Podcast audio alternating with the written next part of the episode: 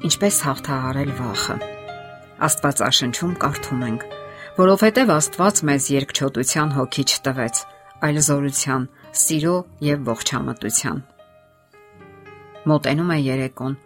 Դուք ամուր փակում եք ձեր դռները։ Շատերը մի քանի փական ունեն, տարբեր հնարամիտ սարքավորումներ պաշտպանվում են ցանցերով ու ազդանշանային համակարգով, որոնք հուսալիորեն պաշտպանում են տները, Սակայն վախը այնուամենայնիվ չի անցնում։ Որն է պատճառը։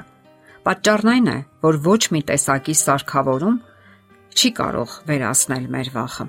Այն մեր ներսում է եւ այն կարող է վերացնել միայն Աստված։ Ինչ անել, որ վախն իր երկաթյա մամլիչներով չսեղմի մեր կոկորթը եւ կատվածահարչանի մեր կամքն ու գիտակցությունը։ Ինչ անել, երբ նա անցնում է յուրաքանչյուր կողպեքի ու երկաթյա դռանարանքով ինչպես ջուրը ավազահատիկների արանքով, ինչպես ազատ ագրվել նրա մահացու գրկախառնությունից։ Հասկանալի է այն փաստը, որ մենք բոլորս օժտված ենք վտանգը զգալու գիտակցությամբ։ Վախը հաճախ դրա արդյունքն է։ Սակայն դժբախտությունն այն է, որ այդ մեխանիզմը երբեմն չափազանց հաճախ է գործի դրվում։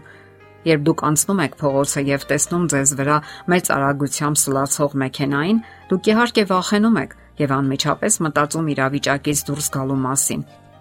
Սա միանգամայն արդարացված վախ է, որpիսի արագացնեք կամ դանդաղեցնեք ձեր քայլերը, կախված կոնկրետ իրավիճակից։ Սակայն եթե ձեր վախերը դուրս են գալիս վերահսկողությունից, ապա այն սկսում է ճնշել մնացած բոլոր զգացմունքները, եւ այդ հիվանդագին վիճակը կարող է ավարտ չունենալ, եթե ժամանակին միջոցներ չձեռնարկեք Հիմնախնդրի լուծումը սկսվում է այն պահից, երբ մենք գիտակցում ենք եւ ընդունում այն փաստը, որ մեր կյանքը այնուամենայնիվ լի է վտանգներով եւ ռիսկերով։ Մենք երաշխավորված չենք անհաջողություններից ու սպառնալիքներից։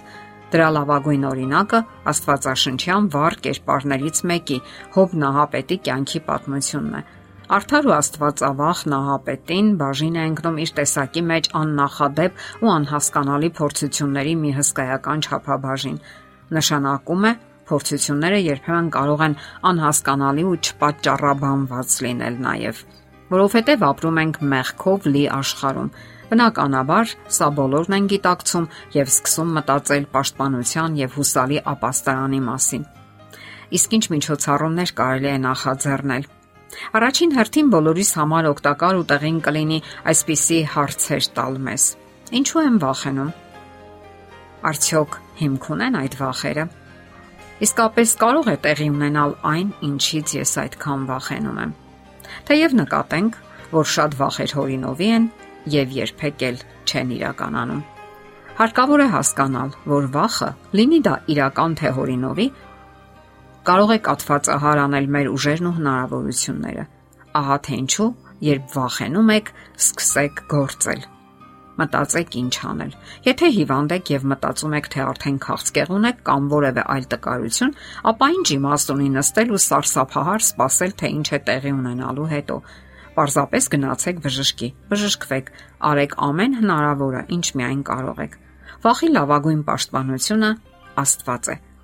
Աստված ազատ ագրում է մարդուն եւ նրա սիրտը լցնում իր կատարյալ սիրով ու ներկայությամբ Մարդը ազատագրվում է իր տանջալի մտորումներից ու տառապանքներից, լցվում է խաղաղությամբ եւ ուրիշներին էլ օգտակար լինելու ցանկությամբ ու մղումներով։ Աստվածային սերը ոչնչացնում է վախի այն օղակը, որ սեղմում է մարդու կոկորթը եւ որը ի վերջո կարող է նաեւ խեղտել նրան։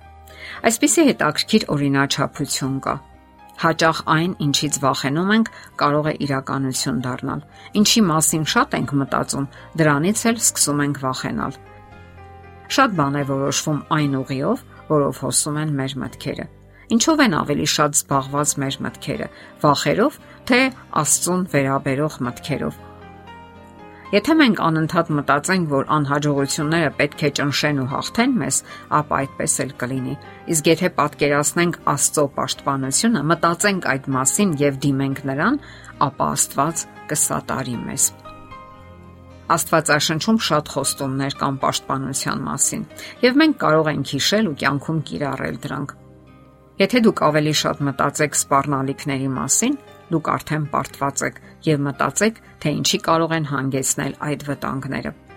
Հակառակ նման մտքերի դուք պետք է մտածեք Աստծո պահապան հրեշտակների մասին, որ միշտ մեր կողքին են եւ պատրաստ են օգնության հասնել։ Եթե մենք վստահ ենք նրանց եւ գտնվենք Աստծո կամքի տակ, այդ ժամանակ առավոտյան ցողի նման կան հետանան ամեն տեսակի վախերն ու անիմաստ տագնապները։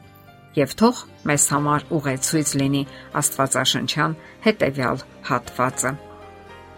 Ես Տիրոջը կասեմ. իմ ապավեն եւ իմ ամրոց իմ Աստված, որի վրա հույս եմ դրել, որովհետև նա կփրկի քեզ որսողի որոգայթից, չար ժանտամահից։ Նա քեզ կծածկի իր փետուրներով, նրա թևերի տակ ապահով կլինես։ Նրա ճշմարտությունը վահան է եւ զրահ։ Դու չես վախենա գիշերվա զարհուրանքից, այն նետից, որ թրջում է ցերեկը։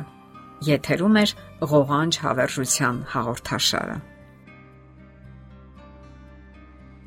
Հարցերի եւ առաջարկությունների համար զանգահարել 033 87 87 87 հեռախոսահամարով։